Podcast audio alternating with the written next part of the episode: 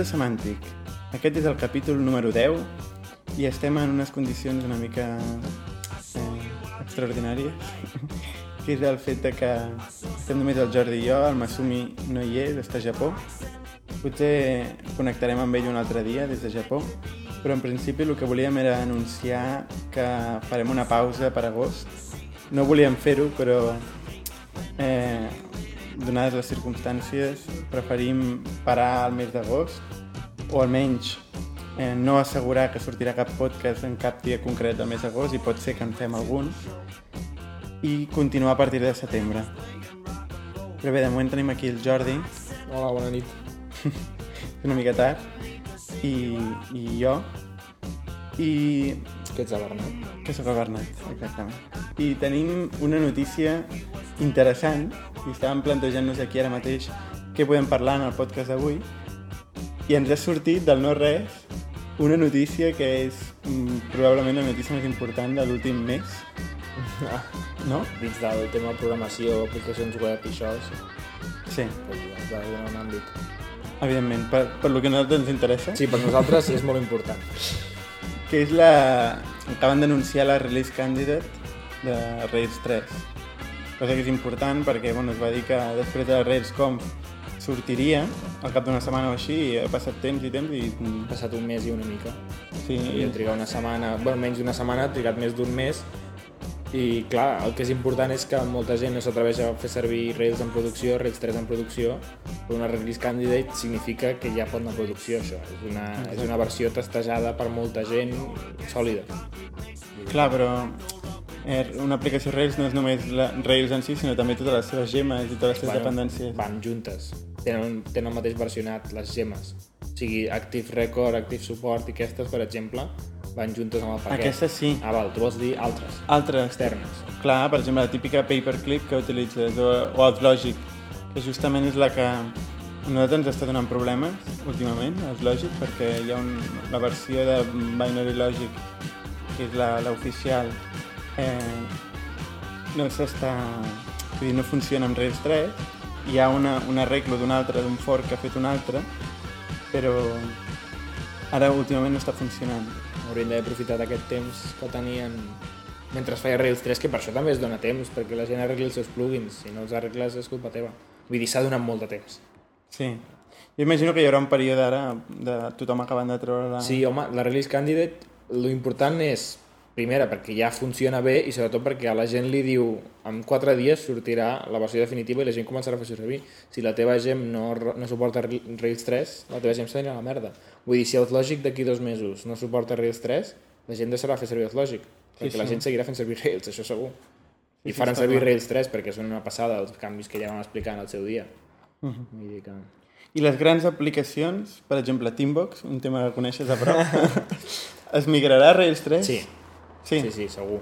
El que passa és que per començar ens estem esperant no a la release candidate, sinó a la versió final, Quan no hi hagi més ous, va, quan no hi hagi més remei i comenci a estar tot deprecat. I, Deprecat. I, deprecat, és un nou verb que m'acabo d'inventar. Nou verb, vale. Institut d'Estudis Catalans ja ho poden anar afegint. proposarem. Sí, Ho posarem. deprecated, o sigui, desfassat. I sobretot que hem de tenir més tests per assegurar-nos que no peta tot, perquè fer un canvi d'aquests és, bueno, brutal. Tu ja ho has vist amb una aplicació bastant petita, imagina't, amb una que té milers de línies de codi. Sí, llavors, com, com es realitza un canvi d'aquests? Què es fa progressivament o... No, no, no, De cop, a sí, sí, de cop. Es fica tothom allà, en paral·lel, Sí, tot el dia. I la nit. bueno, això com sempre, no? això és el que fem cada dia. La diferència és que en aquest cas pares de fer features i dius, això demà passat, perquè clar, no pots anar-ho fent molt progressivament perquè mentrestant has d'anar fent altres coses i les fas o per Rails 2 o per Rails 3 aleshores has d'anar als punts claus de l'aplicació i anar-los migrant part per part, un que s'encarregui dels models l'altre que s'encarregui dels Però el tema temes és que- d'inicialització Sí, però el tema és que al moment en què canvies la gema de Rails, deixa de funcionar tot. clar, per això et dic que Llavors has d'anar veient què és el que va patant. Què va patant. sí, sí, és així és, un procés dur, però bueno És molt per dur, sort eh? tenim el, el Mislav que amb això, ah, sí, no, sense ell seria molt més complicat fer això Clar, perquè ell és un dels contribuïdors, no, sí, de fet? vull dir que de Rails domina prou com per estar tranquils de que sap què s'ha de canviar i què no s'ha de canviar.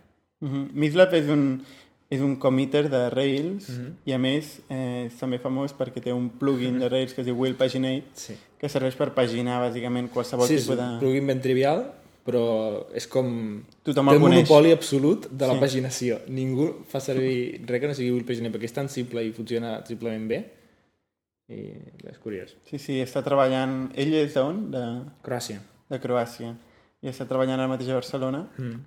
eh, costat a costat sí. amb el Jordi. Sí, sí. Des de fa poc. Mm -hmm. Està bé. I una cosa, per exemple, que deies de la migració, que vam estar parlant l'altre dia, vam estar a punt de fer-ho, era migrar només primer Active Record. O sigui, migrar una de les capes, que és només la del model, que com que és gairebé tota compatible amb les versions anteriors, la Active Record 3 és gairebé 100% compatible amb Active Record 2.3 d'ara.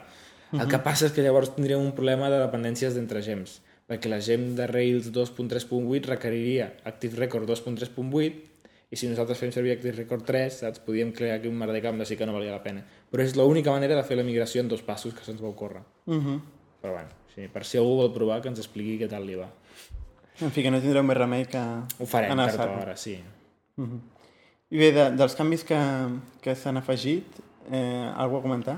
Bueno, Rails 3 jo crec que ja els vam comentar Sí, en el seu però- dia, que són molts, i ara, bueno, En estaven, candidate. sí, estaven esperant sobretot milers de, de solucions d'errors, que és el més important, més, Mhm. més cobertura de test, suposo, i ara aquí llegim uns problemes molt típics de, de l'autoload, que és carregar mòduls i fitxers quan fan falta. O sigui, clar, quan tu vols fer una cosa que es carregui només quan fa falta, t'has d'assegurar molt bé que realment es carrega quan fa falta, perquè el típic és aconseguir que no es carregui, però després no es carrega mai, saps? I això és una cosa que passarà amb Rails. I després suporta la gema versió 2 de MySQL, que bueno, fa que sigui no bloquejant i mil històries que fan que sigui com el doble de potent a l'anterior. Vull dir, la diferència de, de, put, de performance, no em surt la, la paraula en català, és, és tremenda. No? I bueno, ara comentaves tu, no? això de les shallow roots. Sí, això és un tema que jo havia estat seguint perquè realment m'interessava per una aplicació que estava, estava programant i és que mm, les shallow roots són rutes que, o sigui, recursos, REST, que es defineixen eh, nested, és a dir, subjugats amb un altre recurs superior, Sí. per exemple, eh, unes tasques que pertanyen a un projecte, no? Llavors tu normalment fiques, per fer la ruta, la URL, fas project, project o projecte 1 barra tasques barra 5, per exemple, no?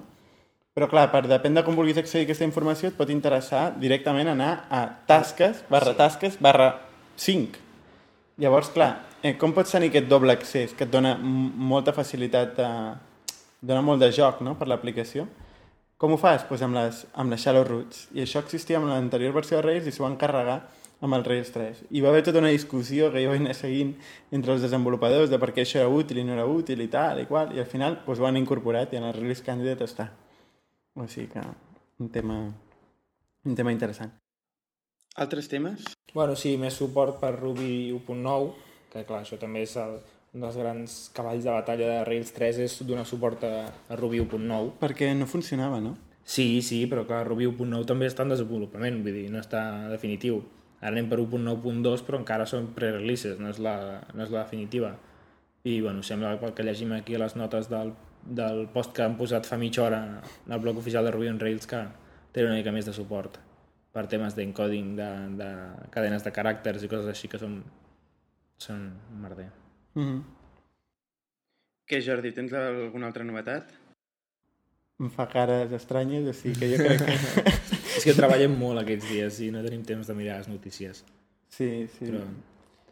Però bé, recordeu que aquest agost no podem garantir que sortirem cap dilluns en concret, però pot ser que sortim. Eh, Si aconseguim coincidir des de Sí, des de- destins exòtics Exacte. variats, com Japó o Barcelona. sí, perquè jo estaré aquí a Barcelona corrent com... I jo molt lluny no m'aniré tampoc, o sigui que intentarem coincidir. Si voleu escriure'ns qualsevol comentari o Proposar-nos algun tema. proposar-nos algun tema. Eh, pot ser que fem alguna entrevista, perquè fa temps que volem fer alguna entrevista. Sí, i ara a l'agost potser és fàcil. Sí, podríem publicar, podríem publicar alguna entrevista a algun membre, tipus un Mislab, o, no sé, algun, algun conegut que, que tenim una mica vip coses en el seu camp. interessants a dir. Sí. I algun altre tema que també ens estem plantejant, que fem una preview, la deixem aquí abans de vacances, que és en tema de, de screencasts. Volíem fer alguna base de dades d'universitat semàntic o alguna així, no sé, és una idea del Jordi.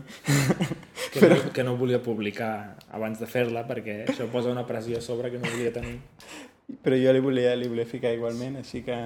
No, pot ser que publiquem algun, algun, com una secció Algun semàntic tutorials... amb algun tutorial tipus De de, guit, Mm. coses que parlem normalment en el podcast i que segurament pues, a la gent li interessaria veure com algun Sí, tutorial. d'una manera més didàctica, no tan informativa, Exacte. sinó realment per aprendre.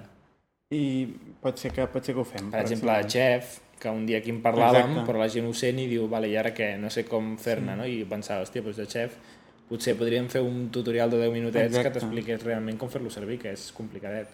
Doncs sí, doncs això és una de les propostes que tenim fer una secció amb, amb aquest tipus de, de temes. Aviam si després de l'estiu tenim alguna cosa així. Sí.